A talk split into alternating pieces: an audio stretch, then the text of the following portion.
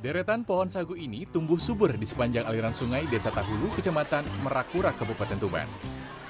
Sejak tahun 2018, eksotisme perkebunan sagu ini dikelola warga menjadi tujuan wisata. Pengunjung biasa menyebutnya dengan wisata kebun sagu pelang. Tak hanya menjual pemandangan, wisatawan juga dapat mandi di aliran sungai yang mengalir. Keberadaan ikan beraneka warna menambah suasana tenang dan asri. Di sini juga tersedia sejumlah jajanan tradisional berbahan serba sagu. Di antaranya bubur sagu, dawet sagu, serta kerupuk sagu. Proses pengolahan sagu dilakukan secara manual tanpa bahan pengawet.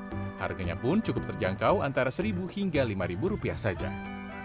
Kelezatan olahan sagu ini dapat dinikmati sambil berinteraksi dengan ikan-ikan yang ada di sungai.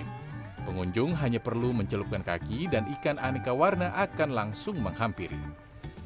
Yang bisa dinikmati di sini apa ini, Mbak? banyak terapi ikan sama daun sagu Rasanya gimana dawetnya? rasanya enak manis lembut Wisata kebun sagu pelang ini hanya berjarak 7 km dari pusat kota Tuban. Bagi penggemar wisata laut, Pulau Karimun Jawa di Jepara, Jawa Tengah bisa jadi pilihan. Pantai berpasir putih dengan keindahan terumbu karang serta biota lautnya menjadi daya tarik wisatawan yang rela menempuh perjalanan jauh untuk mengisi waktu liburan. Wisatawan dapat bersnorkeling dan melihat secara langsung keindahan bawah laut Karimun Jawa.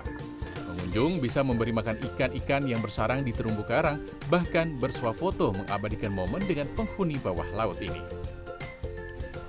Pantainya bersih banget, terumbu karangnya juga masih bagus-bagus banget, terus ikannya masih banyak-banyak banget. Banyak deh, pokoknya harus ke sini deh, recommended banget.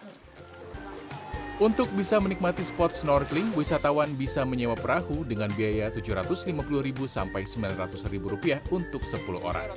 Biaya tersebut juga termasuk makan siang loh. Setelah puas menikmati keindahan bawah laut Karimun Jawa, wisatawan dapat menikmati keindahan senja di pantai Tanjung Gelap. Tim Liputan CNN Indonesia.